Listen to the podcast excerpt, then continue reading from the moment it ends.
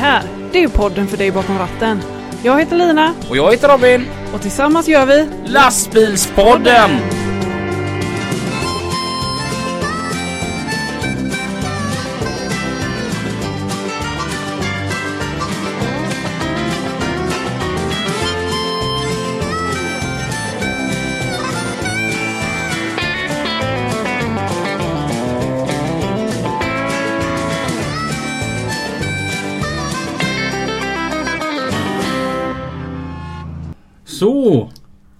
Nu är det äntligen dags igen. Mm.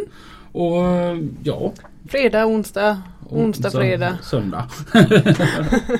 Eh, och jag tycker vi fortsätter på ett roligt tema. Som Mm. vi började med. Att träffa myndigheter. Ja, Så att denna gången så har vi en representant ifrån en ny myndighet. Mm. Vi går ifrån allt kallprat denna gången igen och så bara kör vi ja du hade inget skämt idag? Nej, jag, nej jag hade ingen, eh, inget bra skämt. Nej. Ja, ja, vi kör på då. Ja, ehm, denna veckan så säger vi varmt välkommen till Håkan Klingborg. Hej Håkan! Hej. Välkommen till Lastbilspodden. Tack så mycket. Vad arbetar du med Håkan? Eh, jag har en tjänst som gruppchef på Trafikpolisen i Göteborg. Så det ja. Mm, spännande. Så, så du jagar inte bovar utan du jagar chaufförer? Ja, det kan man väl säga till viss del. Ja. Sen som polis så jobbar man ju med allt. ja. Men när inget annat händer så är ju vårt eh, primära uppdrag att eh, kontrollera yrkesmässiga trafiken. Mm. Vi har ju gått från att eh, vara en enhet som jobbade med allt inom trafiksäkerheten för ett antal år sedan. Där man har smalnat av vårt uppdrag till att eh, ja, vara mot den yrkesmässiga trafiken. Då. Och sen har man lagt ut den vanliga trafikövervakningen till större del på de lokala polisområdena. Mm. Det måste ha varit en förbättring kan jag tro. För polisens... Eh, Ja, både och Ja. är det ju så så här. För att eh, om, man, om man tittar på trafiklagstiftningen i stort så är den väldigt komplex. ja, precis. Den är väldigt komplex Ja. eh, vilket innebär då att eh, kunskapen om eh, trafiklagstiftningens alla delar och hur den ska tolkas. Den är ju Mm. inte så stor ute bland de vanliga ingripande poliserna som vi på trafikpolisen. Mm. Just den här förmågan kanske att avväga, är det här någonting som man ska gå vidare med eller räcker det med Ja, att man har ett samtal? Ja.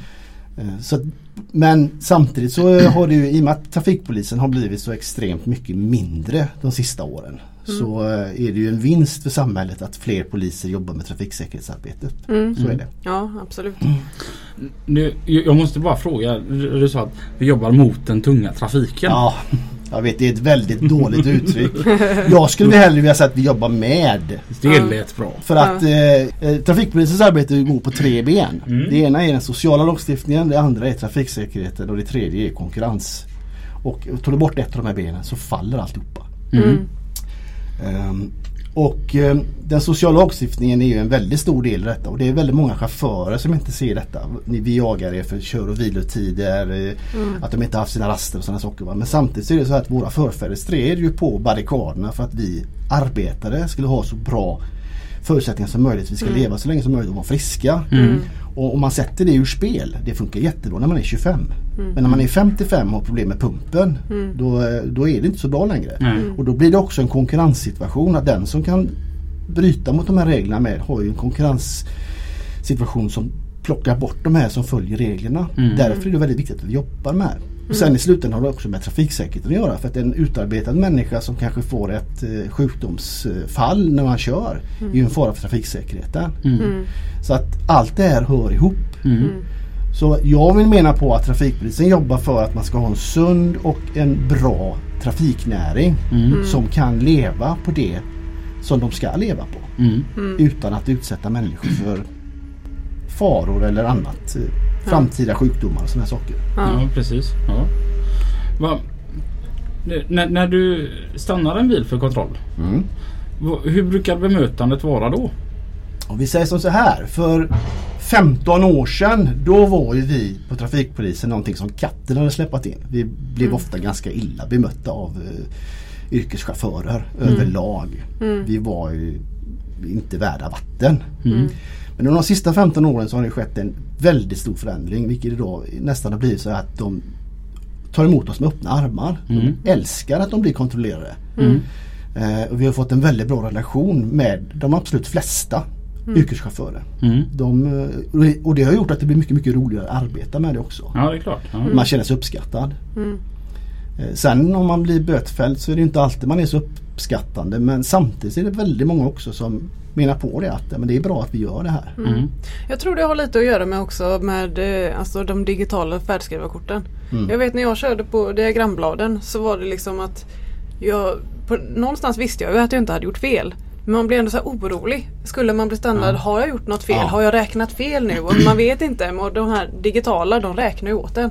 Man vet att det står noll, man vet att det är lugnt. Ja, Ja. så, men det har gjort, det tror jag har gjort ganska mycket. Mm. Sen var det när det här kom så var det väldigt mycket diskussioner med det. Man, man förstod sig inte på dem, en det ena det andra. Så att säga, va. Men samtidigt så menar jag på det när jag pratade med dem att hur svårt kan det vara? Det var egentligen mycket, men de tyckte det var bättre med de gamla diagrambladen för de kunde man ju veva ner rutan och testa ut. ja. Det kan man inte göra längre. Nej. Jag, jag måste tänka också att det kanske fanns en större aggressivitet från förarna för just för, som, precis som det du är inne på. För att då måste många ha fått böter även att de trodde att de gjorde rätt. Kan mycket väl vara så. För att gör du fel nu så är du, har du gjort det uppenbart. Ja, Oftast. ja. Ja. För min färdskrivare till exempel den är ju så grym. Den talar ju om hur långt det är kvar tills jag ska ha veckovila. ja, Alltså hur många körtider timmar jag har kvar på hela veckan. ja, Alltså det, det är ju väldigt enkelt idag. ja. ja, det håller jag med om. För det tycker jag också. Ja. Hur svårt kan det vara? ja. Nej men det är riktigt. Eh, sen tror jag till viss del att det kan ha att göra också med att eh, Går vi tillbaka 15-20 år i tiden så hade vi inte lika mycket internationell trafik i Sverige. Vi hade inte lika mycket utlandsregistrerade fordon. Och vi hade inte den här problematiken med människor som mer eller mindre var livegna som jag kallar dem för. Som, som lever här i Sverige och kör under väldigt taskiga förhållanden. Utan vi träffade nästan bara på svenska chaufförer som jobbar i inrikestransporter. Mm. Sen såg de till slut vad som höll på att hända och som de facto hände. Och man började bli lite mer kanske solidarisk gentemot sina kollegor från andra länder där man insåg att Okej, de konkurrerar med mig och det är en stor del i det hela. Att de, de, de känner ju en osund konkurrens. Men många ser nog också det här med människorna som lever under väldigt taskiga förhållanden. Och får slita hårt. Mm. Och på ett sätt så tycker jag att det, det är ändå lite hopp om mänskligheten att den här solidariteten finns. Mm. Mm. Det tycker jag. Jag, har ju blivit stannad fyra gånger. Två gånger i Sverige, två gånger i Danmark. Och första gången jag blev stannad det var ju här i Göteborg på ID-kontrollen. Den gamla ID-kontrollen. Och då, jag var som ett asplöv när jag såg den här gubben med gul väst gå ut och, tänkte nu Alltså i bästa fall så åker jag in på ett par år va. Och i sämsta fall så blir jag skjuten på plats. Men jag var så förvånad för att de var så trevliga. Ja. Och, och ja, se- sedan så fick jag ju lite för, för olika saker och ting då va. Bland annat så, så hävdade de ju det då att det var ju raka rör på min lastbil. Ja. Mm. De hävdar det. Jag sa det att det är det då inte. För det sitter en burk på det bara och, och, och kolla under. Så sa de det att du grabben vi fikar också på Evas matservering på Ringön. Mm. Så att eh, nej men de var jättetrevliga. Ja. Och, och som nu och då, då, och samma sak andra gången. Jag var i Karlskrona och så se- sedan blev jag sta- stannad i Danmark. Och sen nu sista gången i Danmark som blev stannad. Då var det mer att nu hade jag liksom varit med om det tre gånger. Så att nu tyckte man ändå att det var lite roligt för man, man vet ju att man sköter sig. Ja. Ja. Så att det var gärna lite roligt den här gången att då vill man gärna visa att ja, jo, nej, men jag har varit hemma och läst på min läxa. Ja. Men å andra sidan, vem vill gå till jobbet och vara otrevlig? Det är väl ingen Nej. som vill det. Nej men det är sant. Det är sant. Eh, Och det, det ligger mycket i det. Så jag har ett eh, uttryck som jag fick från en norrman för många år sedan. Det är nog ett norskt ordspråk tror jag. Men som man ropar i skogen får man svar. Ja. Som du är mot andra blir du själv bemött. Ja. Så här, va? Och det, det ligger väldigt mycket i det. Ja. Eh, och det är ju samma sak för mig. Om jag åker till jobbet och ska jobba i 10 timmar så vill inte jag gå omkring och vara arg hela dagen. Nej. Nej, Eh, precis. Så att eh, får jag ett trevligt möte med en människa. Sen är det så här också att det mötet som jag har med den här individen det gynnar ju både mig och dennes individ nästa möte med någon annan. För det här förs ju vidare. Mm. Och idag är det så att 8 av 10 chaufförer man har att göra med det är jättetrevliga samtal. Mm. Vi skojar och vi drar skämt. Och det, jag tycker det är jättetrevligt. Mm. Mm. Det är det. Men hur är det att, eh, alltså, att stanna de här utländska chaufförerna? Mm, ja, Alltså ofta kan de ju inte språket. Nej det är ett problem. Ja. Det är ett Jaha, får ni ha tolk med er då Ja, eller? vi har det så att vi kan ringa upp och ha tolkförhör via telefonen i, i bilen. Ja. När vi har de här eh, som inte kan några andra språk än kanske ryska eller Ja. något annat sånt där. Då fixar vi ju tolk. Eh, Någonting som man har hört i väldigt många år. Och nu sitter jag ändå och har ch- här och har chansen att fråga. Mm. Det, det är att man antar att ni stannar svenska bilar före utländska för att det är jobbigare att stanna utländska på grund av språket. Det är ju inte sant. Det, det vill jag ju hävda direkt. Det där är inte sant. Sen kan vi faktiskt dra det ett steg till. När jag stoppar en lastbil idag så vet ju inte jag om det är en svensk chaufför som sitter i lastbilen. Det är väldigt många svenska åkerier som har chaufförer från andra länder. Så inte förrän jag har öppnat dörren och, och säger hej så får jag en indikation på vilket land kommer den här personen ifrån. Ja. Så att eh, man kan inte uttrycka det på det viset. Och samma, sak, ja, och samma sak om man stoppar en dansk bil så kan det sitta en svensk i. Nej men, Mm. som Pelle-Lina. Ja, Mm. ja precis. Så att eh, nej, det, det finns inte där. Jag kan nästan Jag skulle nästan vilja säga så här istället att är det en lastbil eller en transport från ett land som är där vi vet det kanske kan finnas lite brister. Vi säger att det kommer tre lastbilar. En dansk, en svensk och så ett från tredje land då som vi kanske inte har bästa erfarenheter av. Då plockar vi inte svensken eller dansken utan då plockar vi ju den Mm. Sen behöver inte det betyda att det har något fel på den så att säga, men sannolikheten att få en träff där. Det, det, det är väldigt mycket pratar om polisens profilering. Ja. Och det här är ju en form av profilering. Eh, en del skulle ha, ja, det är etnicitet. Nej det är det inte utan det är min erfarenhet. Mm. Samma sak när det gäller svenska åkerier. Alltså vissa åkerier är ju mer kända än andra att, att eh, bryta mot reglerna. Va? Ja. Och kommer det fyra åkerier i rad och det är ett av de här är ett av de här som man vet är större träffsäkerhet på. Då plockar man ju den. Mm. Sådan så är det inte. Och så säger de, fan det är alltid jag. Ja, konstigt. Men om man, om man skulle bara se en sån här liten overall-bild. Mm. Där ett är uselt och tio är eh, förträffligt bra. Mm. Hur bra sköter sig svenska chaufförer överlag? Om du drar ett medel. Svenska chaufförer. Ja. Mm, då skulle jag nog säga 7-8. Mm. Det är ändå Ja det tycker jag. det är högt. Ja, Det är en bit kvar. Men det, ja. ja. Och om vi då går till utländska chaufförer. Det är ungefär samma. Det är det? Ja. För jag tänker också som så här att vi har ju mycket åsikter om Mm. dessa utländska chaufförer. Men i mångt och mycket kanske det beror på att man inte kan ha någon relation till dem Ja. eftersom att man inte klarar språket. Mm. Och då är är det kanske oftast lätt, lätt att gnälla på dem för att man känner dem inte ändå. Precis. Men så kan man ju tänka så här också. Svenskar åker ju till Norge för att jobba. Ja. Varför då?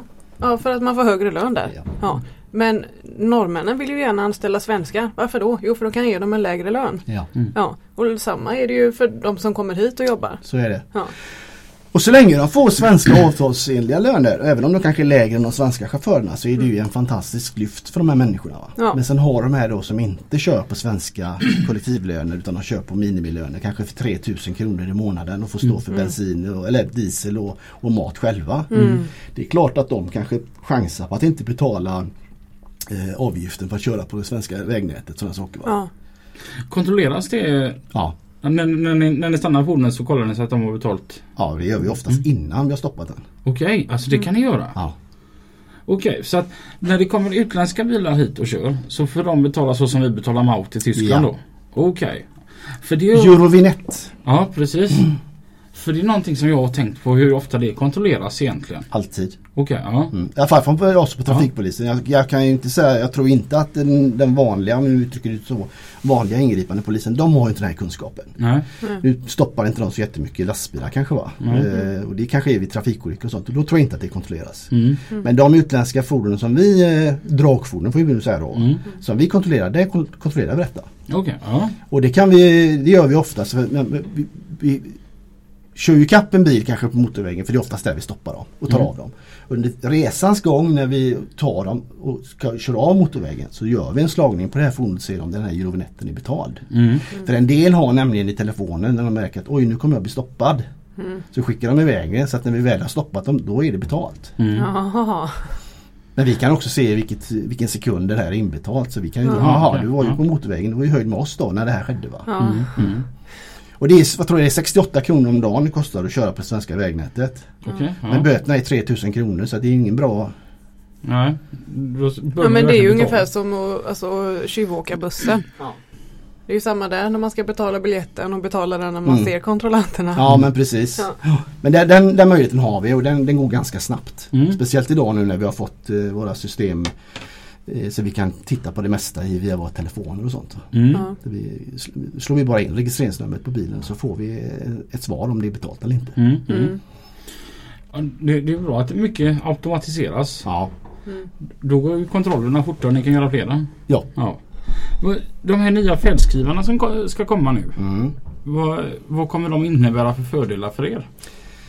Eh, som jag sa inledningsvis här, jag har inte sagt det i podden här men jag har ju varit sjukskriven ett år här nu så att Mm. eh, jag har ju försökt att följa med så att säga. Va? Men det, det lilla jag kan se eh, det är ju det att eh, möjligheten att kontrollera blir bättre. Mm. Eh, Jag pratade just med min kollega som har min tjänst för tillfället och att det här nya systemet, vi har ju gått från det gamla till det nya som heter Tacospeed då, där vi kontrollerar. Mm. Och han, han sa då att eh, det här är mycket vassare än det gamla. Så att eh, jag tror att det blir, jag tror kommer bli bra. Eh, Sen vet jag inte hur det är. Jag har ju sagt i alla fall i tio år att man borde ju ha någon form av eh, GPS. För det finns ju redan i, i de här. Mm. Att det ska, registreras när du kör in i ett annat land. Som sagt, Mm. GPS ska tala om när du kom in och när du kör ut. Och Mm. sådana här saker. Va? Det skulle ju förenkla väldigt mycket. Då kunde vi ju ta bort den här dumma grejen att du ska lägga in varje dag. Du kör inrikestrafik här i Sverige. Du kör bara i Göteborg. Men varje dag ska du tala om att du är i Sverige. Mm. Ja. Och sen om du inte har gjort det så får du tusen kronor i böter för varje tillfälle du inte har gjort det. Alltså Ja, det, det, precis. det, det, men en GPS då, då kan du ta bort den. Mm. Ja. För då kan vi se, ja du kör in i Sverige här från Norge. Mm. Ja. Mm. Och då kan vi se exakt vad du har varit i Sverige och det, Mm. kommer ju underlätta väldigt mycket. Jag tror att det ligger med i det här att man ska införa den här. Mm. För det var en grej där jag tycker att man gick bakåt när man kom med digitala fä- fältskrivarkort istället. Att man anger land istället för stad. Mm. Man tycker att stad, det blir ju lättare för er att bygga ihop resan alltså bakåt. Så är det. Mm. det så är det. det På Mm. det sättet så vart det ju sämre så att säga. Mm. Men eh, om vi säger så här att de som kör mellan två städer i Sverige hela tiden eller i, i, kör inrikestransporter. Det är ju egentligen inget problem. Nej. För att då är det, har du rätt att vara här och köra så spelar det ingen roll om du har kört mellan Sundsvall och Stockholm eller Stockholm och Göteborg egentligen. Nej. Utan det handlar ju just om de här som bryter mot cabotagereglerna då. Mm. Mm. Eh, Det är ju de vi vill komma åt på det här. Jajamän. Mm. Men lite övergripande, vad innebär de här cabotagereglerna? Ja, det innebär ju att om du kommer in i Sverige med en internationell transport får du lov att göra tre stycken inrikestransporter i Sverige. Och tanken bakom det här är ju jättegod. Vi säger att du kommer från Hamburg med en transport till Sundsvall. Och så lägger du, lämnar du av allting där. Och så ska du kö köra tom tillbaka till Hamburg. Det är ju inte bra för miljön. Nej. Så idén var ju att på vägen ner så kunde du ta med dig transporter. Mm. Men sen har man ju misskött det här. Mm. Och för att förekomma frågan då att eh, det är väldigt mycket det här med cabotage man pratar om. Det är så många cabotagetransporter. Ja det förekommer en del. Men det mesta här i vår region det är ju kombitransporter. Och de är ju de facto tillåtna. Och kombitransporter är för de som inte vet. Ja det är när du kör eh, inom en 15 mils radie kan man ju säga. Mm. Och du kör eh, mellan två stycken lastnings och lossningsställen. Hamn, järnvägsstation och annat så att säga. Va? Mm. Men 15 mil är ju bara en riktlinje så att säga. Det kan ju vara lite längre också på grund av att det kanske inte finns det närmaste lämpliga så att säga. Va? Mm. Så att de utländska dragbilarna som vi har här i stan. Mm. Så länge de kör då bara kombitrafik så är det helt lagligt. Ja. Mm. Hamnen till Halmstad. Mm. Det kan vara så. Eller från eh, SJs eh, stationen i centrala Göteborg där till eh, Jönköping. Mm. Mm. Alltså det är, det är tillåtet. Mm. Där lärde jag mig någonting nu för det, det trodde jag inte att det var. Ja. Man, man, man, man har ju varit lite handfallen när man ser de här stackarna som det faktiskt är då som Mm. bor i sina lastbilar och, och, så, och så är det olagligt tänker jag. Mm. Men så är det inte ens det. Nej. Och där får ju vi ta mycket skit att vi, man menar på att vi gör ingenting. Men samtidigt, lagstiftningen är som lagstiftningen är och den, Ja. den får vi förhålla oss till. Mm. Ja. Eh, det, och det är så med allt. Jag menar, eh, och det är så här, ja men eh, du kan väl tycka så. Ja, vad jag tycker är en sak. Men nu är jag på jobbet och då ska jag utföra mitt arbete. Sen vad jag Mm. tycker om den här lagstiftningen. Mm. Ja, det är helt ointressant. Mm. Och kan jag inte hålla mig så objektiv och så professionell att jag utför mitt arbete även om jag kanske tycker att det här är fel. Mm. Så ja, då får jag söka mig någon annanstans. Mm. Men när ni stannar en lastbil, eh, vad är det man tittar efter då? Ja vad man tittar efter det är ju alltså primärt idag är det ju trots allt eh, det är ju lastsäkring. Mm. Det är, och att bilen är, och släpet då ja, uppfyller de kraven rent besiktningsmässigt så att det inte är dåliga Mm. däck och sådana saker. Va? Mm. Och sen är det ju kör och vila. Mm. Det, det är det. Mm. Att man har skött sina åtaganden på det viset. Man inte jobbar 16 timmar i sträck och bara sover 6. Mm. Liksom, för Det håller inte längden. Nej. Och då blir man ju en farlig traf- trafikant. Ja. Men har ni så här eh, olika att eh, idag har vi stora kontroller. Nu kollar vi allt eller idag har vi mindre kontroller. Nej det kan jag inte påstå. Nej, det Nej. kan inte påstå utan eh, när vi stoppar en lastbil då, då gör vi en full kontroll så långt som Mm. det är möjligt på plats. Ja. Ja det gör vi. Mm. Sen självklart så förekommer det ju att man stoppar en, en lastbil och man ganska snabbt får intrycket att här är allting i ordning och reda. Mm. Eh, och det, det ser man ganska omgående. Mm. menar, ett snabbt varv runt lastbilen, titta på surrningen, det ser ju väldigt bra ut så att säga. Ja. Så eh, Men hur är det med, med pimpade lastbilar? Jag tänker alla lampor Ja. och... nu kommer vi in bland annat det här med vad jag tycker privat och vad, vad lagen säger. Så säga, va? Men Ja. Eh, om jag skulle vilja säga en sak så är det så här att under många, många år, det här är min egen tolkning nu. Mm. Så var det så här att polisen struntade i om det satt några femwattare i tre extra ljus i fronten. Mm. Det var ingenting som vi brydde oss om. Men sen så blev det ju bara värre och värre Mm. och värre och värre. Och så har vi de här Coca-Cola lastbilarna som vi har Mm. och så har vi LED-lampor då som lyser mycket starkare. Ja.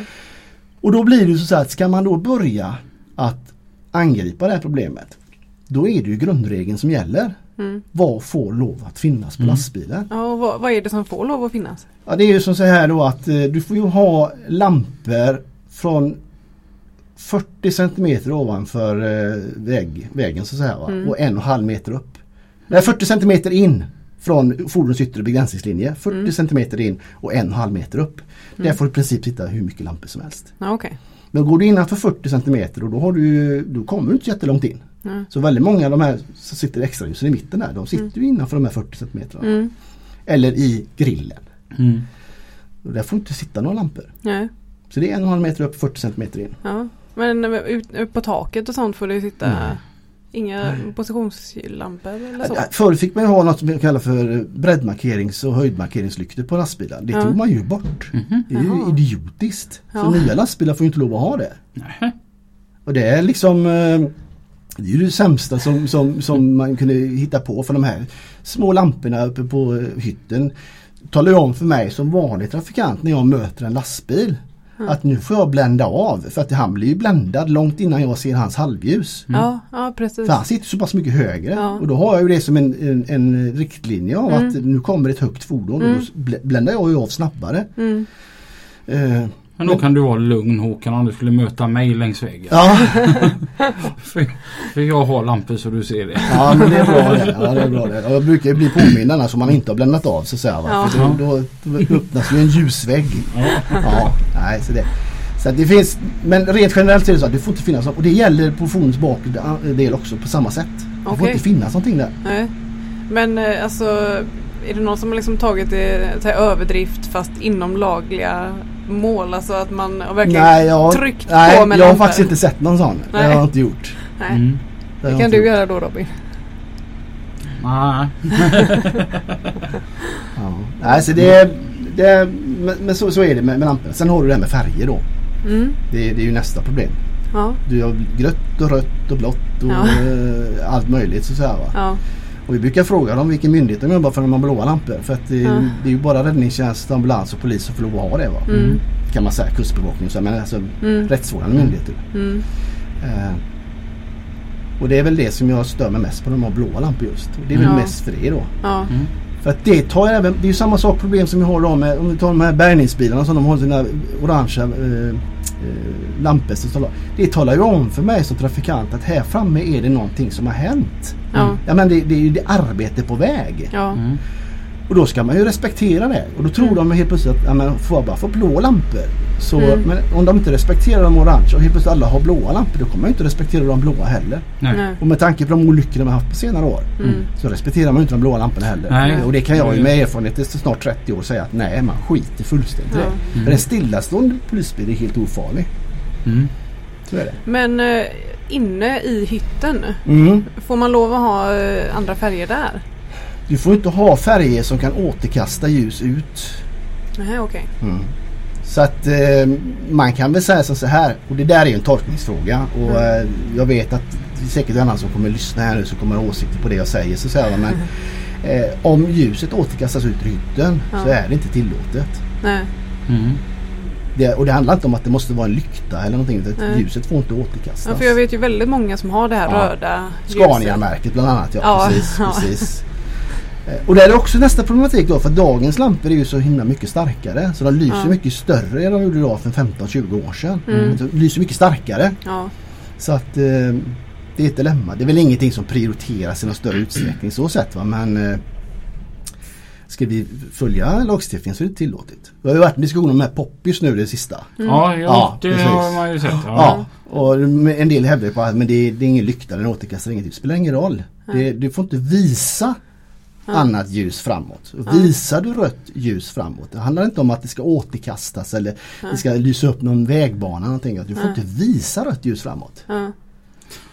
Men där, kan- där, kan, där står jag bakom. För jag fattar inte varför man vill åka runt med de två lysande där rutan. Tycker jag weird. ja, jo men det håller jag med om. För min man har ju det Mm. i sin eh, lilla bil och när jag har Mm. kört den så eh, nej, det går ju inte. Jag Det får ju stänga av förstör ju dina ögon. Ja det men man ser ju inte. Alltså, när, ja det funkar väl när det är ljust ute Mm. men så fort det blir mörkt så är det ju bara den man ja. ser. Ja. Mm. Ja. Nej, ja, jag vill gärna ha belysning inne i hytten när det blir, blir mörkt. Bara för att eh, om det är helt svart så, så blir man väldigt trött. Mm. Så, Mm. så jag har ju röd belysning inne i hytten Mm. för att ha, det ska vara behagligt. Mm. Mm. Och det Och- finns ingenting som säger men det får inte Mm. återkastas Nej. ut ur hytten. Det är liksom Mm. det som är Nej. grundregeln. Men, men de här lysande poppisarna som folk åker runt det förstår jag inte hur de orkar. Nej. Nej. ja de har ju många också. Ja. Ja men eh, för bara typ ett år sedan så var det liksom en poppy på varje Mhm. sida. Och nu är det liksom desto Sex. fler desto bättre. Ja, Jag har ju tre ganska motorintresserade unga pojkar som söner och eh, ja.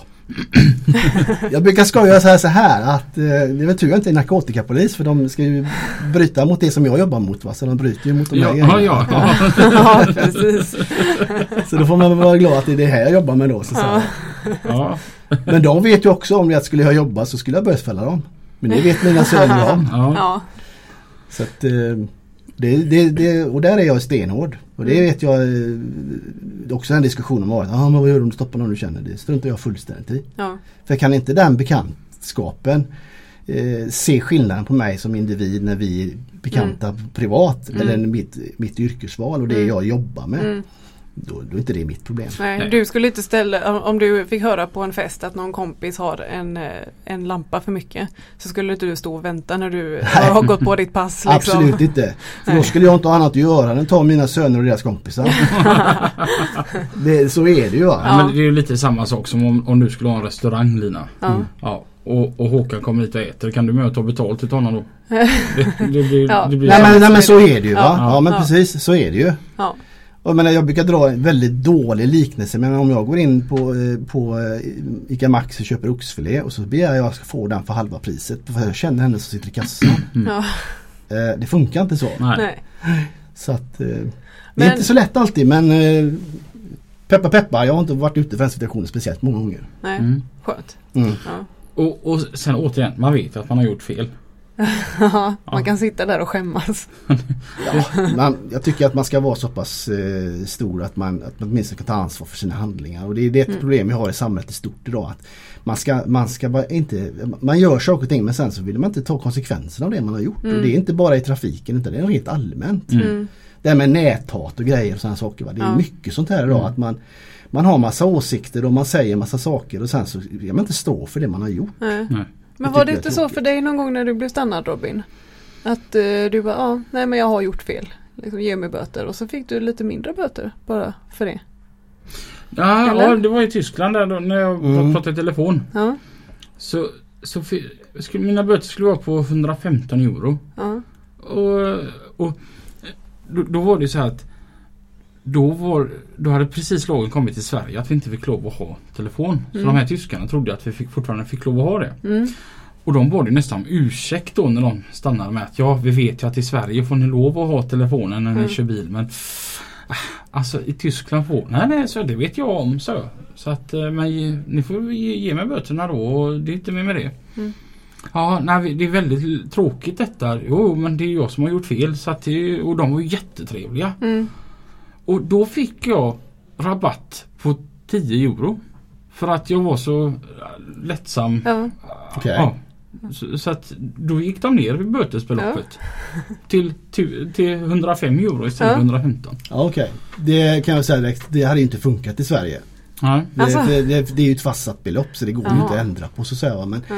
Jag kan väl säga så här också att eh, eh, i avrapporteringen har det ju betydelse för naturligtvis hur det har varit också. För jag Mm. menar, vi ska vara objektiva och det är vi. Mm. Men samtidigt så är det så här, om vi tar mig som ett exempel här nu att jag stoppade en, en bilist som har gjort ett fel. Och med den kunskapen jag har inom trafiklagstiftningen så kanske jag kan hitta fyra grejer som jag kan rapportera den här Mm. personen för. Mm. Och så är det en väldigt trevlig individ som ja, står för vad de har gjort. Och, så, och de här andra tre grejerna kanske är ganska så små i sammanhanget. Mm. Då har vi ett samtal om de tre sakerna. Mm. Så får man böta för den här grejen som är lite allvarligare då. Mm.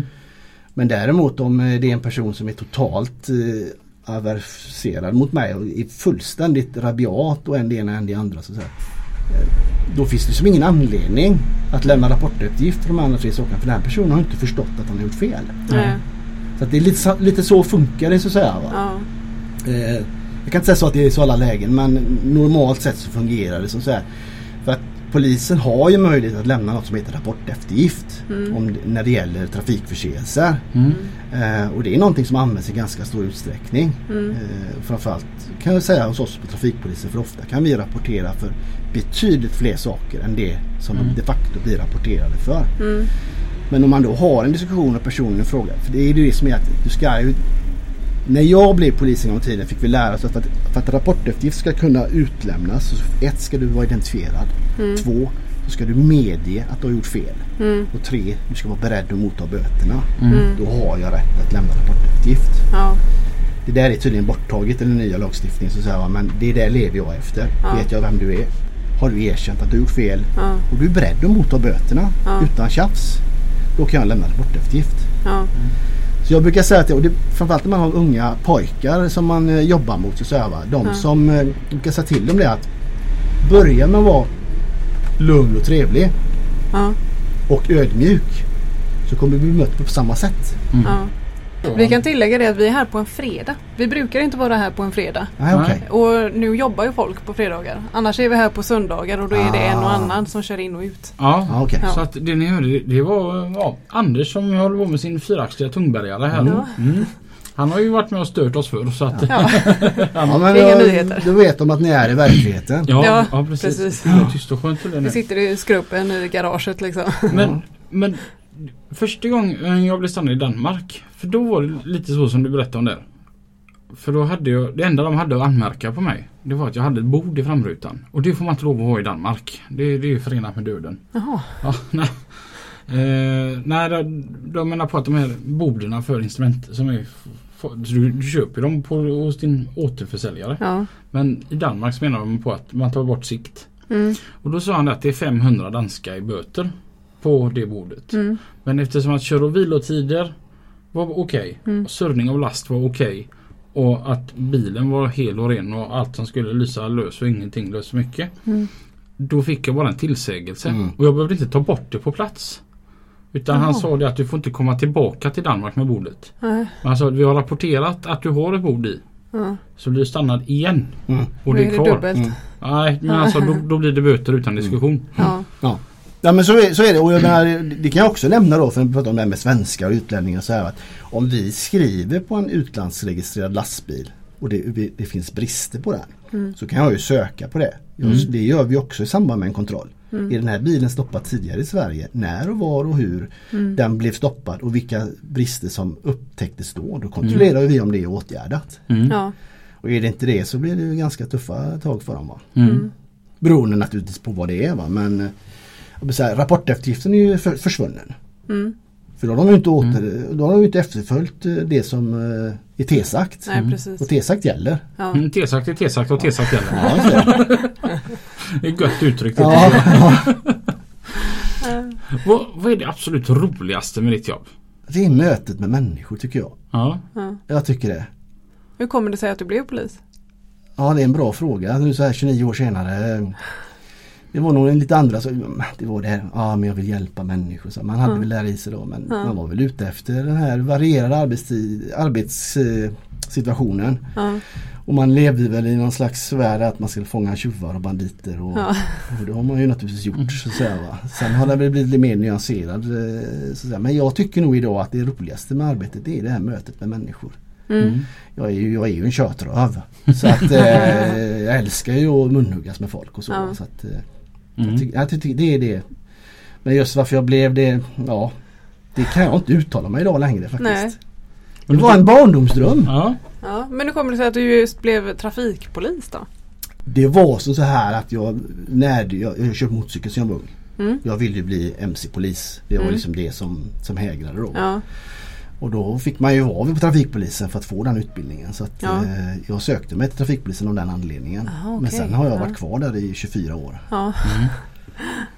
Och jag tycker fortfarande det är just att åka med motorcykel. Det, det, det är fantastiskt roligt. Det, det tycker jag. Ja. För det är ungefär som rytteriet. Folk ler när man kommer.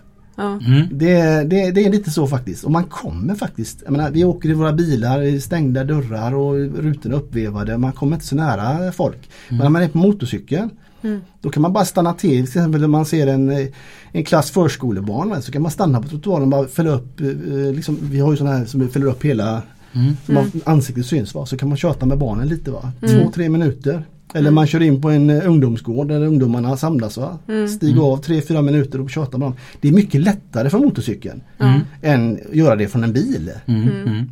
Så att eh, det, det är en del i det hela. Mm. Sen älskar jag att köra motorcykel så att det, det är Ja. en sak också naturligtvis. Vad har du för motorcykel då i tjänsten? Eh, ja, de senaste åren har jag kört på en eh, BMW 1600. Mm. Ett fantastisk motorcykel. Mm. Nu har vi bytt ut så att de flesta motorcyklar vi har är ju 1200 RS. Okej. Eh, Det är, en, det är ju en, i grunden en offroad-cykel då men ja. Den funkar på alla underlag. Det är Ja. fantastiskt. Den har bra prestanda också så att den, den går fort. Ja. Men den tar sig fram nästan överallt. Mm. Jag tycker att en 1600 då går det ju fort satan när du... Ja, de, våra 1300 går egentligen fortare än vad den Alltså. 1600 gör men det är en sexcylindrig. Jag brukar säga det är som att köra en, en dieselturbo. Liksom det, det är liksom, det- den har bra bottendrag från början och sen så när den väl kommer upp i varv så trycker det till utav skam. Sen är den ju så stabil och fin att köra så jag, jag älskar den. Mm. Det är rätt ska jag ändå kunna hålla på lite med sin hobby då på jobbet. Ja, och det har ju gjort att eh, med alla barn och sånt så var jag ju tvungen att sälja min privata motorcykel så jag var Okej. åtminstone får köra på jobbet. Ja, Lyxigt. Ja men det är lite lyxigt. Ja. Sen är det ju inte så, så att när man sitter på motorcykeln så är det, ah vad skönt. det är." Men jag jobbar ju. Ja. Mm. Alltså det, det är inte så att man åker omkring och smååker. Det gör man ju inte. Nej. Man har ju koll både framåt och bakåt. Så är det radion och så mäter man hastighet. Och, Jag, jag ser framför, framför mig när du är ute, ute i din helt egna världen och så sa 8-0 till Håkan kom. ja. Håkan! Ja, Håkan! ja, ja det, det vet jag inte om det har hänt. Men, eh, Eller glömmer lite, av. ja, men lite så, det är klart att ibland så Ibland tar man sig en tur. Ja. Ursäkta. Men då är det ju som så att Jag vet för, för två år sedan då Sista dagen inför eh, semestern Det var en fruktansvärt varm dag. Då tog, bestämde jag så nu tar vi en tur idag och då körde vi över Tjörn, Orust och så Malö, Flatön och, de hade inte sett en polis där på 40 år. Oj. Så de trodde att det hade hänt någonting va. Mm. Och så sa vi, men ni är ju skattebetalare ni också. Mm. Och bara det här, för det handlar om- just med synligheten med polis. Ja. Eh, Det är många som efterfrågar det idag. Mm. Och så finns det vissa områden som egentligen aldrig ser det. Mm. Men kan man, med motorcykeln då så kan man ta sig till de här områdena på ett annat sätt och Mm. stanna och prata med folk. Och där ute var det massa färjeförbindelser så blir det prat med människor i färjekön och sånt. Va? Mm. Det kan inte heller underskattas, det här Mm. mötet med människor. Mm. Mm. Mm. För polisen står ju ändå för en stor del av trygghet för många, många människor. Mm. Ja. Och den får man inte glömma bort. Men jag tänker alltså typ just de här ställena som inte ser poliser ofta. Mm. Där måste det ju vara en del så här, fyllekörningar. Är det inte där man ska stå liksom? Ja, jag vet inte det. Alltså fyllekörningar beror, idag Idag med de regelverken vi har med, fyll, med, med alkohol i trafiken så, så, är det så att de flesta som kör berusade idag De har någon form av alkoholproblematik. Ja. Mm. Det, det är inte dagen efter som det var för 20-25 år sedan. Nej men jag tänker så här, alltså man är ute på landet. Mm. Man kör två kilometer till grannen. Mm. Ja, och så ska man ta två öl. Mm. Man tar två, tre öl. Man känner inte sig, inte sig berusad men alltså, blåser man så Mm. är man berusad. Mm. Det kan mycket väl vara så. så samtidigt så är det så här att eh, eh, vi kan ju inte vara överallt. Nej, nej. Det, är det, det är ju så. Ja. Men självklart är det som du säger. Mm. Så, så är det ju. Man brukar säga att vi kör ju inomskärs. ja precis. Ja men så, så är det ju. Ja. Det, det är inte okej. Men Nej. samtidigt så är det så och vi gör ju sådana stick. Ja, Det gör vi ju. ja, Och förr då när vi var mycket fler på trafikpolisen då var det ju en stor del av det vi sysslade med. ja, Då åkte vi faktiskt i sådana här områden i mycket större utsträckning och hade sådana här riktade kontroller. ja. Mm. Hur, alltså, hur många poliser fattas idag? Alldeles för många. För att man har ju hört att det är en del brist i yrket. Mm. Ja men det är det. Men hela polisen är ju ett bristyrke idag. Alltså det är inte bara trafikpolisen. Det tråkiga är ju med, med trafiken är ju det att trafik är inte speciellt högt rankat inom rättssystemet. Nej. Det är, det är tyvärr så. Mm. Att trafik det är ju ah, det är, det är liksom ah, vi, Ja, det är alla är ju coolt. trafikanter. Ja. Menar, mor och far, syster och bror och son och dotter. Alla är ute i trafiksystemet. Ja. Och alla är ju en del av det. Mm. Men ändå liksom på något vis. När, och sen när det väl händer någonting, ja men det är ju bara trafik. Mm. Det är, som, Mm. det det måste, måste till en ändring. Men jag har fattat det som att trafikpolisen får ganska mycket här statistik över sig. Mm. Det är väldigt mycket statistik Mm. att eh, så här mycket gjorde ni förra Mm. året. Och, eh, eller typ att eh, ni ska stå på den vägen Mm. så här många gånger. Och, Nej inte så men just statistiken och den tillkom ju med EU. ja. Innan eh, då, jag kan ju nämna det att när jag började på trafikpolisen 1995 då var vi 72 man i yttre tjänst bara i Göteborg. Mm. Men då sysslade vi med allting men då hade vi inga statistiska mål. Ja, det var det här med att blåsa men det var inget bekymmer för vi blåste ju varenda en vi stoppade och vi Ja. hade stora kontroller och sådana saker. Va? Mm. Och i de här kontrollerna så hittar man ju så mycket annat. Olovliga körningar Mm. och, och liksom oskattade fordon och avställda fordon. Så det, det är liksom, men idag sysslar inte vi med det längre utan nu är ju alla, all vår statistik bygger på den tunga trafiken i princip. Ja. Och det är kör och vilotidskontroller, det är kontroller av farligt gods. Mm. Och nu har ju cabotage Mm. kommit till där också. Så här då, va? Mm. Så att, eh, och då blir det ju så här att då blir vi väldigt styrda mot detta. Mm. Samtidigt som vi faktiskt inte är mannade för att klara av det. Vi kommer inte nå våra mål. Nej. Sannolikt inte och det har vi inte gjort de sista åren mig veteligen. Nej. Vissa mål når vi men vissa gör vi inte det. Nej. Men säg att jag skulle vilja bli trafikpolis. Mm. Måste jag bli vanlig polis först? Ja.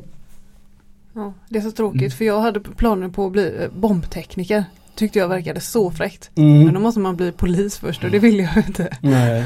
Ja, det är ju så och det är de som frågar om, om hur är det med polisen. Alltså det bästa med polisen är ju att alla har en, en grundutbildning till polis. Mm. Men sen när man väl har blivit polis så Mm. finns det så mycket, nästan hela samhällets ut- behov Mm. i övrigt finns liksom, Mm. inom polisen. Är du intresserad av hästar? Är du intresserad av hundar? Är du intresserad av fordon? Ja. Är du intresserad av teknik? Är du Ja. intresserad av IT? Alltså allting finns va? så du kan Ja. välja inriktning sen. Det är ungefär som militären. Ja, precis. Trans transportyrket. Eller transportyrket. Mm. Ja, Mm, jo, men det finns, det finns likheter. Gör det. Jag gillar bilar så därför kör jag Ja, biltransport. Men om man, alltså, ja, om jag utbildar mig till lastbilschaufför och älskar hundar så finns det inte dire- direkt Alltså vad ska jag kö- köra hundar? Ja, det var en hund i hytten då. Det är många som har det. Ja. Ja. Du kan inte klanka ner på lastbilar när du, har, när du är 50% utav lastbilspodden. Det gör jag inte. Nej. Jag tyckte bara att det var kanske inte riktigt rätt. Ja, nej, nej. Nej. Nej. Men den som går och funderar på att bli trafikpolis. Mm. Vad säger du till den personen? Jag tycker, har de rätt intresse och tycker att det här är en viktig sak att jobba med, för det är ju faktiskt det man får tycka också. Man måste också tänka som så här, som trafikpolis då, att varför gör jag detta? Är det för att sätta dit folk? Mm. Eller är det för att jag ska jobba mot, för trafiksäkerhet? Mm. Mm. Eh, är man där för att sätta dit folk då är man på fel ställe. Mm. Jag tror inte det är så många som tänker så. för sig, va? För att, eh, men eh, trafikpolis tycker jag det är, det är ett väldigt bra val inom polisen. Mm. För att eh, man har, det är ju nämligen så här också att du, du, du har dina timmar du ska göra på jobbet. Eh, Och idag är ju polisen så underbemannad så att de som kommer till jobbet idag de får ju åka från larm, från larm, från larm, på larm, på larm. De får ju aldrig någon namnhämtning. Mm. Vi däremot, så för länge det händer någonting i vårt närområde som behöver oss Mm. så jobbar vi med vårat. Mm. Mm. För när jag började vid trafikpolisen var det så då kunde man åka runt i en bil i åtta timmar. Mm. Och ja, köta med folk och så naturligtvis va? men man gjorde egentligen ingenting. Va? Den arbetsplatsen kunde bli väldigt, väldigt långt. Ja. Men på trafikpolisen så är det så att du har ett uppdrag hela tiden. Du jobbar hela tiden med de här trafikrelaterade grejerna. Vilket gör att dagen går mycket fortare. Mm. Så att eh, du har liksom ingen slötid. Va? Mm. Det, det är det som är det, det tycker jag det är en av de, de sakerna som jag fastnade för. Mm. För när jag jobbade på IGV som det heter idag i Kungälv på den tiden va, då jag blev ju lite sådär T-klingbar kallar de mig för då, för att jag tyckte vi kunde jobba med trafik. Och det ingick ju faktiskt men man gjorde inte det för trafik det, var, det skulle någonting trafikpolisen som skulle syssla med. Va? Ja. Därför att jag insåg lite, men fan bara åka omkring här och inte göra någonting. Va? Ja. Nu låter det som att inte de gjorde det. Det är inte det det handlar om. Va? Men jag var ung och väldigt, på ett väldigt fult ord där, på att jobba. eh, Så att säga, va? Eller på den tiden var till exempel, då fick man ju inte ta slumpmässiga alkoholkontroller. Mhm. Nej, nej. Utan då var vi ju tvungna att ha, vakthavarna skulle besluta om att vi skulle få ha en nykterhetskontroll. Men det var ju inget problem, man ropade ju bara in på radion till vakthavaren befäl. Du vi tänkte blåsa lite folk här, står i höga. Jajamän. Då skriver jag in det här att jag har beslutat det. Mm. Mm. Idag är det ju inte så. Idag kan man ju ställa upp en nykterhetskontroll och ha den precis vad man vill. Va? För i lagen är det så att alla är skyldiga att lämna ett eh, utandningsprov. Va? Mm. Så, Så om det är fint väder så kan man stå nära havet och få lite, Ja. lite fina vågor och fiskmåsar och sånt. Ja men det är sådana saker också. Man, Ja. man ska ju ha det bra på jobbet också. Mm. Samtidigt som man gör sitt arbete. Precis som du säger, man kan åka till ett sådant här ställe. Det är inte jättemycket trafik men även de människorna som rör sig där är en del av samhället. Ja. Annars ska man ha många blåsar då kanske man ska stänga av motorvägen. Mm. Men om man vill jobba lite mer ja, allmänpreventivt då kanske man ska stå på en mindre länsväg ute på Orust. Mm. Mm. Där det bara passerar eh, 37 fordon per eh, timme. Va? Mm. Men då är det 37 fordon som faktiskt blir, rapporter- eller blir kontrollerade. Ja. Och det kommer sprida sig på den här ön att polisen hade en nykterhetskontroll. Mm. Så att Ja men det vet jag. Alltså, Oftast alltså, just sånt sprider sig. Jag vet eh, 50-sträckan där borta där- där vi bodde. Vid, eh, där Vid var det- Tuve? Ja, Ja. eh, där var, stod polisen någon gång. Och sen, Ja, läng- du menar den, eh, det här, de har det här boendet för Nej, ja eller nej. Eh, utan... man kör eh, ut, kör ut ett huvud precis, man kör mot Säve. Ja, Ja. det är det ja. Där nere till höger, där stod vi jättemycket för. Ja, för där var det också, liksom ryktet går att Mm. eh, där Det- står ofta polisen. Så där saktar man ju alltid Mm. ner. Ja, där Ja. stod vi jättemycket för x antal. När vi var fler på trafikpolisen så var det ett ställe som vi stod på. Ja, Och det kan man tycka, ja varför då? Jo, därför att vi hade mycket träff där. ja. Mm. Och där stod vi ju ofta då på, eh, på helgerna på månaderna ja. och även på veckodagarna på månaderna. Mm. Mm. Och där hade vi, och det, det är ju så varför stod vi där? Ja, för det första så är det väldigt många som ser oss. Mm. Och sen hade vi rätt mycket där. Vi tog rätt mycket rattfyllor men vi tog ju väldigt mycket olovliga körningar och Mm. andra kriminella element. Mm. En och annan som blev gripen för att de var efterlysta och sådana saker. Va? Så att, eh, Mm. just det här med trafiken också, det, det leder till så mycket mer. Mm. Det, det är så, väldigt mycket. Bara man läsa i media om polisens insatser så kan man ibland läsa om de har skrivit ut det att det började med trafikstopp. Ja. Ja. Det är någonting vi försöker implementera till alla yngre kollegor som kommer då att det här med trafiken är viktigt. Mm. Väldigt mycket av det som sen uppdagas, alltså grova vapenbrott, det börjar med att vi stoppar en bil. Mm. Ja, precis. Mm. Ja. Och där är ju någonting som man har nytta av som, som trafikpolis också. För det, den här profileringen som jag pratar om det handlar ju egentligen om erfarenhet. Mm. Att man plockar ut rätt fordon. Mm. Och eh, det, det vågar jag säga att trafikpoliser är extremt duktiga på detta. Mm. Att plocka ut rätt fordon. Ja. För står man ute i trafiken 10 timmar om dagen året ut, varje dag. Ja. Så lär man sig att se de här små subtila tecknen på vilket fordon av de här 70 stycken som kommer mot mig är Ja. den som är intressant. Man kan höra på motorljudet. Ja, alltså det är precis, det är mycket. Ja. Det var någon som gång frågade mig vad det är. Ah, jag vet inte. Men vi kallar det för polisiära sjätte sinnet men det är inte det det handlar om. Mm. Utan det handlar om erfarenhet. Ja. Och det får man i alla yrken. Mm. Du sa det att den som söker hit för att man vill sätta dit någon tänker fel. Då, då tänker jag som så här att vad är en perfekt kontroll för dig? Är det en kontroll där du har skrivit ut böter eller där det, allting gick jättebra? Alltså Vad, grejen vad, är, vad, ge- vad gör dig Mm. glad? det, det är så här. Ibland, förr när vi höll på mycket med hastighetsövervakning så kommer folk gående och säger, ja har ni tagit många? Nej inte någon. Eh, kanske man har sagt efter 40 minuter. Man har stått där i 40 minuter. Det är inte någon som har kört för fort. Ah, det var ju inte bra. Jo men det är ju jättebra. Jag menar, det är som, då sköter sig folk. Ja. Så självklart är det det du säger. Ja. Men det var lite det jag menar just med Ja. statistiken. Ja. Att man måste haffa några liksom, för att det. det ska synas. Mm. Och då är det de som säger, ja men då har du stått på fel ställe. Mm, kanske men eh, det här var en skola vi stod vid. Jag tycker det är rätt ställe. Och just, vi har fått indikationer på att väldigt många kör för fort där. Men det Ja. var ingen som körde för fort nu när vi stod här. Och det är ju jättebra. Mm. Mm. En till my, myt då, Mm. eller förutfattad mening. Mm. Mång, många menar ju på det att vi kommer tillbaka lite på de här med lamporna igen. De Mm. tar, tar mig för lamporna och så har man kört tre minuter för länge så får man 2000 spänn i böter. Mm. Mm. Jag skulle hävda att det där är helt fel. Mm.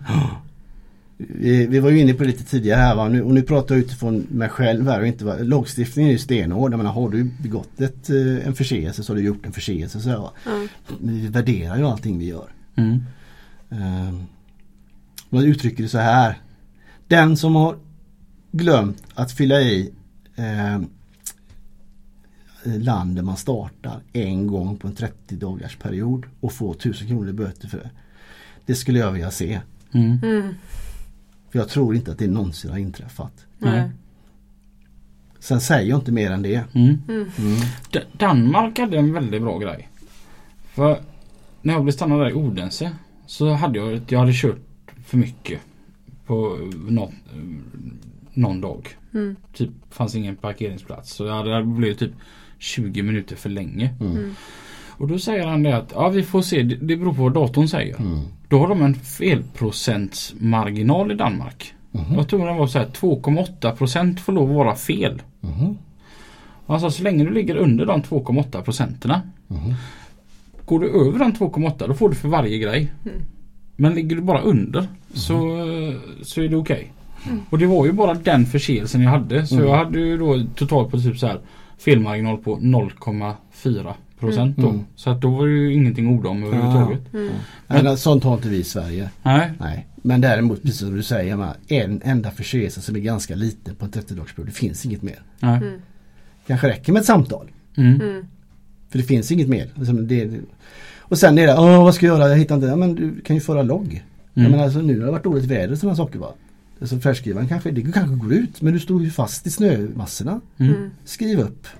Ta ut en remsa och skriv. Mm. Men det har vi pratat om innan det här med att skriva och vad man skriver på de här lapparna. Du hade någon kompis som skrev att eh, va, eh, tjejen vill att jag ska komma hem. Ah. Så, alltså, Det var så himla klockrent. Ja. Uh, kört över, två, kört över två, två timmar innan helgvila på grund av att fru ville jag skulle komma hem till fru och barn. Ja. Mm. alltså, har du sett många sådana roliga lappar någon gång?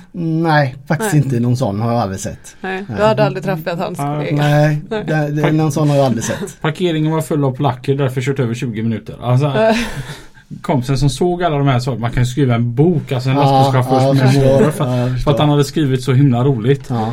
Uh, dags att stanna men var jättesugen på pizza. Fanns Mm. pizzeria 20 minuter längre bort. Därför kört över 20 minuter. Det är ändå samma individ eller? Ja.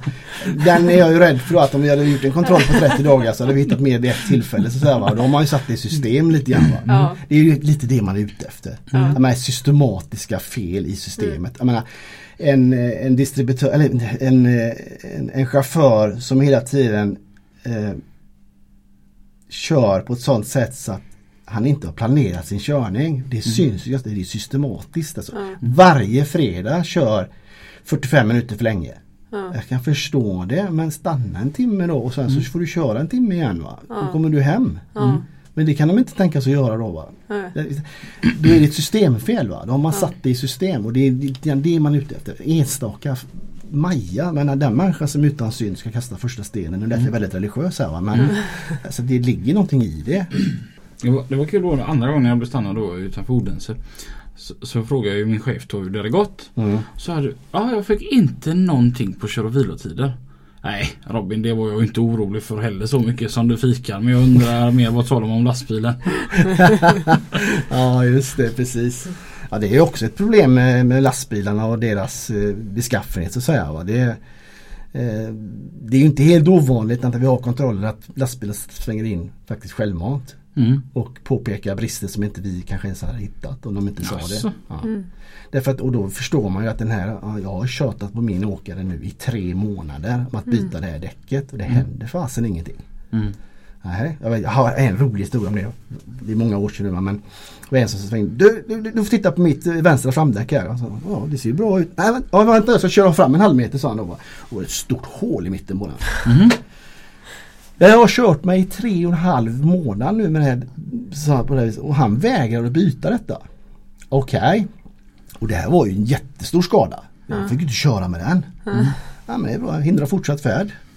Du kommer inte därifrån förrän det däcket är bytt va. Och den åkaren var ju inte glad på mig. va. Han kom ut på platsen. Va? Och det var ju ingenting, jag kan säga det här är rätt länge sedan nu så jag tror inte de här inblandade kommer ihåg detta. Men det var ju för chaufförens skull. Mm. Och eh, det blev ju dyrt för den här åka- åkaren för han fick ju ta ut, ut en sån här eh, som byter på den Mm. plats då. Ja. Så att eh, men eh, jag, jag sa det, det, han kom inte en meter för när bytt. Mm. Men det var ju inte någonstans att det var ju jag som har upptäckt det. Chauffören har inte sagt någonting. Ja, ja, ja, Det, det, det, det, det kan jag ju säga till alla er där ute om det är så. Att om ni självmant talar om, stannar och talar om någonting så gör vi se den polisen som de facto rapporterar er för det. Mm. Vi har ju möjlighet till rapportefter som vi sa. Mm. Mm. Mm. Men vad, vad är det vanligaste som du brukar fela på? När, när, när ni tar in, tar in en bil. Alltså, är det vanligast att man gör fel när det kommer till kör och vilotider eller är det att lastbilens att den är bristfällig eller är det lasthörning? Vad, vad tycker Lastsörjning tycker jag överlag är väl där det är sämst. Och är det då slarv eller okunskap? Slarv, Mm. lathet. Mm. Man har bilen full med spännband men de har inte tagit tillräckligt många. Ja. Det, det, det vill jag påstå. Mm. Men där, där är någonting man, man, man har ju någon slags riktlinje har jag i alla fall när jag bandar. Mm. För att vissa, på en biltransport så står ju vissa bilar lite vinklade och, och de är ihoppackade och så här. Mm. Och vissa bilar behöver bandas mer och mindre. Mm. Och då blir det att ibland har jag överbandade bilar. Alltså Mm. för, för mycket men så brukar jag tänka att jag bandar ju faktiskt för min egna skull och inte för polisens skull. Mm, precis. Mm. Helt rätt. Det är som jag som brukar säga till folk. Det värsta som kan hända dig på vägen hem, det är inte att du blir stoppad av polisen. Nej. Det är trots allt så. Ja. Eller som vi säger ibland när vi åker på de här hemska olyckorna. Tänk om vi har stoppat den här personen tre minuter tidigare för en fortkörning. Mm. Det hade aldrig hänt. Mm. För nästan alla trafikolyckor, alla fall med dödlig utgång, de beror på hastighet. Mm. Så är det Ja. det går inte att komma ifrån det. Mm.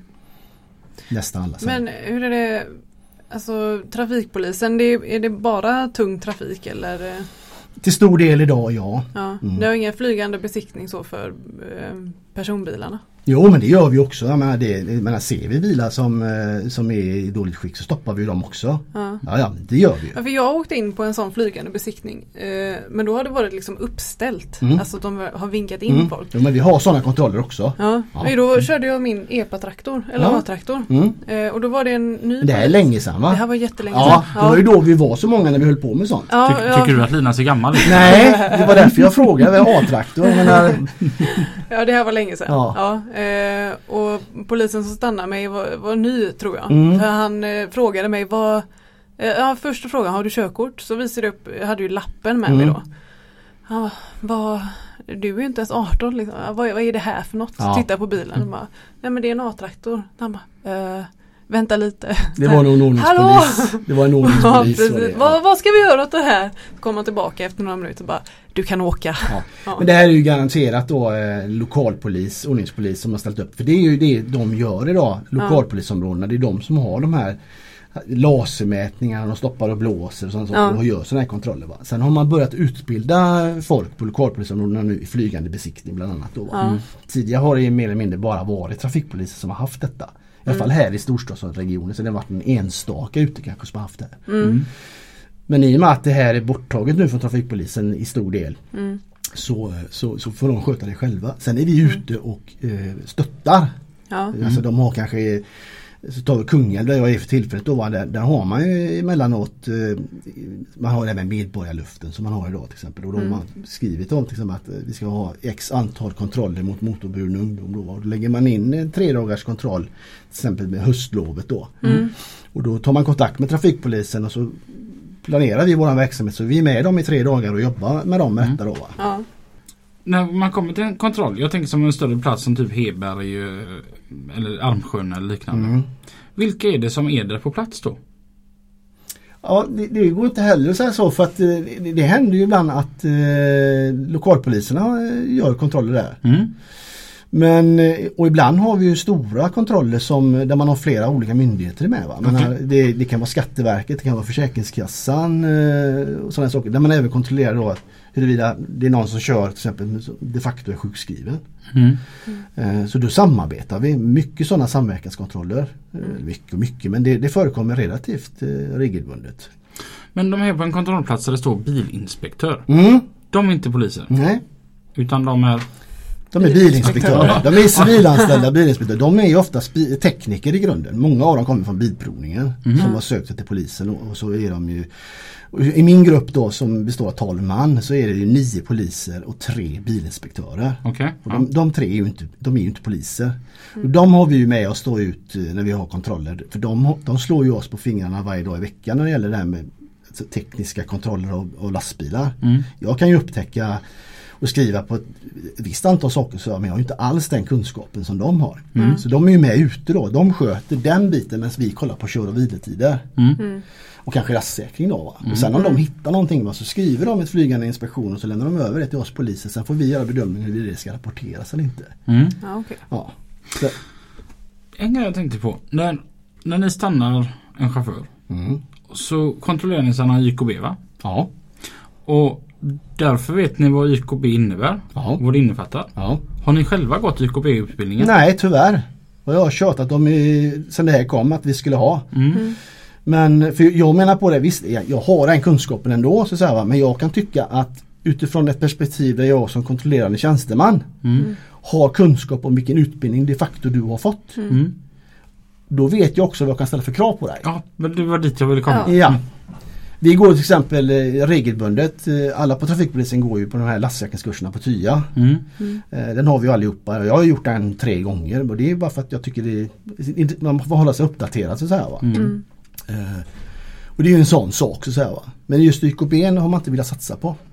Och det stör mig något kopiöst. Ja, för eftersom att ni kontrollerar oss borde, kan Mm. jag tycka spontant att ni borde Ja, ja. Men jag har ni C-kort? Ja, ja, jag har Ja. full behörighet på allt. Ja. Mm. Och det är ingenting som jag har fått. Jag var tvungen att köra upp som alla andra. Jaså? Så jag har, jag har alla behörigheter som finns. Okej, Mm. ja. Har, har, ni aldrig, har ni allihopa ni som kontrollerar lastbilar? Ja, Mm. de som är besiktningsmän för eh, lastbilar eh, har det. Mm. Och det har att göra med det finns egentligen inget krav i lagen att vi ska ha det. För Mm. att en polisman får lov att provköra och flytta tunga fordon även om inte har behörighet för det. För det, Ja. det ingår så. Va? Mm. Men eh, det har med trafiksäkerhet att göra bland annat. Vi liksom flytta ett 60-tons ekipage. Va? Det, det, är liksom, Ja. det, det medför ett visst ansvar. ja. Och sen finns det en sak till och det är det här att eh, jag går in i någons eh, arbetsplats och eh, börjar röra där så att säga. Va? Ja. Då ska jag kunna ha åtminstone kunskapen att göra de mest basala sakerna i alla fall. Så att, Ja. man visar hänsyn till den arbetsplatsen som de här personerna de facto har. Mm. Mm. Så det finns den aspekten också. Mm. Så att eh, det är ett av skälen till varför man har haft det. Att man ska ha behörigheterna. För då får man också en större förståelse. Mm. Vi hade ju på skolan eh, att man var tvungen att vara, vad heter det, eh, mogen. Eh, personlig mognad Mm. när vi tog körkort. Mm. Mm. För de som, eh, alltså då kunde de hålla in på ett körkort Mm. och vänta med att skriva ut det. För att de inte var tillräckligt mogna. Ja, ja. Men sånt sker ju till viss del inom polisen också. Jag menar, jag menar ta det här till exempel med, med, med MC-tjänst då. Va? Det, är, det är en speciell tjänst så att säga, va? och det Mm. krävs också Det görs en personlig kontroll om du är lämplig för detta. För det är till viss del ensamarbete också. Ja, Ja, och Mm. då, då, då krävs det en viss eh, Vi kan använda uttrycket personlig mognad. Ja. Även professionell mognad. Ja för jag tänker det, alltså har polisen också sådana här Ja. kontroller på, på varandra liksom att ja, han är, är nog inte lämplig för att köra Ja men så är det. Ja, men så är det. Ja, ja. För blir du skickad på en utbildning så ska du eh, Då görs det en bedömning huruvida du är lämplig för att göra det här eller inte. Det är mycket lämplighetstester. Ja. Ja så är det. Väldigt mycket lämplighetstester. Kan inte det vara lite läskigt tänkte jag på nu då eftersom du sa att du jobbar mycket ensam som MC-polis. Att när man är polis så är man ändå lite av en utsatt person. Mm. Det är många som ser det som en slags motståndsrörelse. Mm. Och, och många som har negativa tankar om er. Ja, Och, men är man två så är det ju, känns det ju bättre. Men, det är tryggare. Ja. Mm. Känner, man sig lite otrygg om man är ensam då? Det händer att man hamnar i situationer där man känner sig otrygg. Ja, Mm. Men det är en del i det som jag pratade om att man ska vara, man, det har gjorts en bedömning om du är en sån som Alltså är du ett, eh, en hetssporre så att säga som kastar in i saker och inte funderar så mycket över det. Då kanske du inte blir uttagen för MC-tjänst. Därför Mm. att du anses inte kunna göra rätt bedömningar om du ser in i det här eller inte. Va? Så att eh, det är en av de delarna som man de facto tittar på. Mm. Mm. Och sen är det ju ett arbetsmiljöansvar som jag som chef, jag har ett arbetsmiljöansvar för mina medarbetare. Och om jag skulle sätta ut någon på ensamarbete så ska jag ju göra en bedömning huruvida den här personen är lämplig för detta eller inte. Va? Mm. Och Just ja, apropå att du är MC-polis. En grej jag har funderat många gånger på.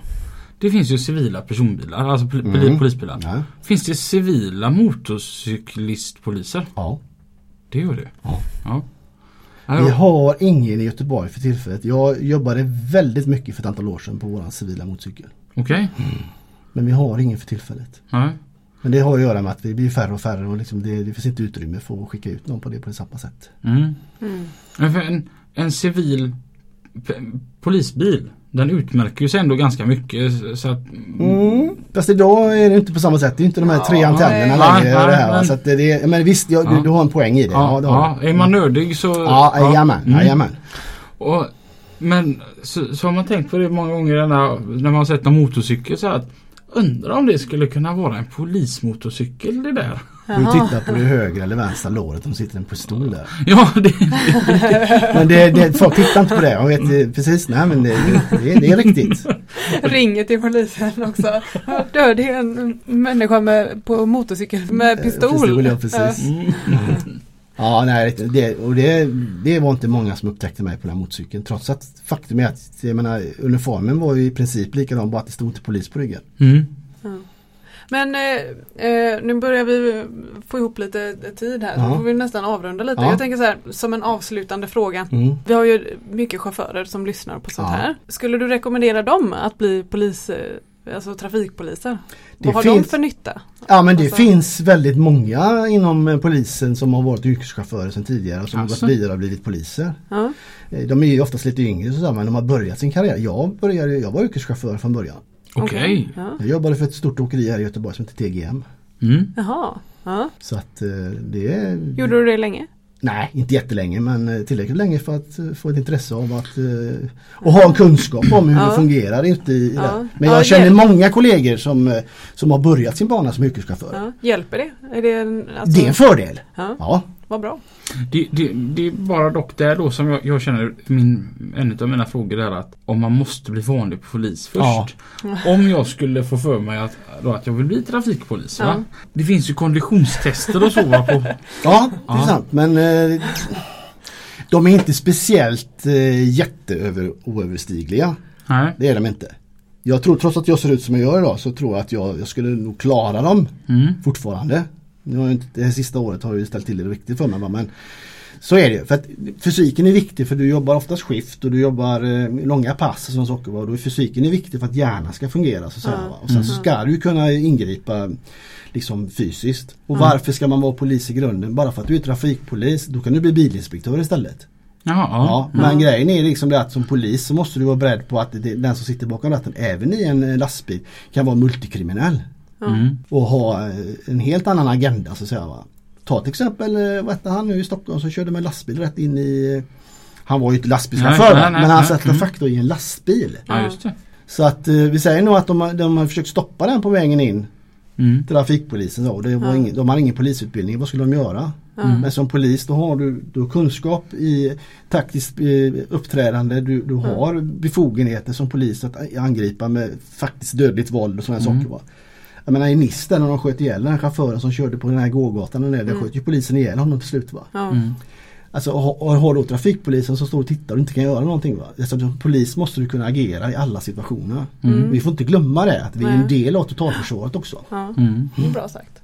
Men när blir man kriminell? Jag tänker Robin har ju nu en böteslapp på sig. Nej, är Räknas han man som kriminell va? Nej, kriminell är ju man när man livnär sig på eh, brott. Ja. Ja. Robin går bara minus. Mina orangea lampor på lastbilen. De, jag livnär mig inte för dem. Nej. Nej. Nej. men det är inte, det är inte kriminellt. Nej. Absolut inte, nej. Mm. Ja, vi har inte eh, vad heter det, presenterat dagens fika. Just det. Nej. det. Det ligger på dig. Ligger det på mig? Ja. Eh, dagens fika presenteras av Jonas Bulkfrakt. Det är Jonas på Jonas Bulkfrakt i Skövde som har sponsrat med dagens fika. Den Ja. tackar vi jättemycket Ja det gör vi. Ja, Jättegod bulle. ja den Mm. hade du bakat riktigt, riktigt bra. Ja, vad fin. Ja, Mm. och Håkan, tusen tack för att du ville ta dig tid och vara med oss i lastbilspodden här. Ja men tack, det var roligt. Ja, och så hoppas jag att vi inte ses längs vägarna. Jo, det hoppas, det hoppas jag. Polisens uppgift är att skydda, hjälpa Ja, och ställa det. till rätta. Ni får jättegärna kontrollera mig. Ja. Det, jag tycker bara, det var så roligt sist jag blev kontrollerad och så ringa till chefen och så var mallig och säga att det gick Ja. bra. Mm. Som jag bara avslutningsvis, kom ihåg det att vi jobbar inte mot varandra ute på vägarna. Utan vi jobbar med varandra. Det, är- det är väldigt viktigt att komma ihåg det. Mm. Det är ingen motståndsrörelse yrkestrafiken utan det är vi jobbar mot samma mål. Mm. Mm. Vi, vi ska känna trygghet när vi ser våra trafikpoliser. ja. ja. Mm. Tills nästa vecka så får ni köra så försiktigt. Kör försiktigt. Hej då! Hej då!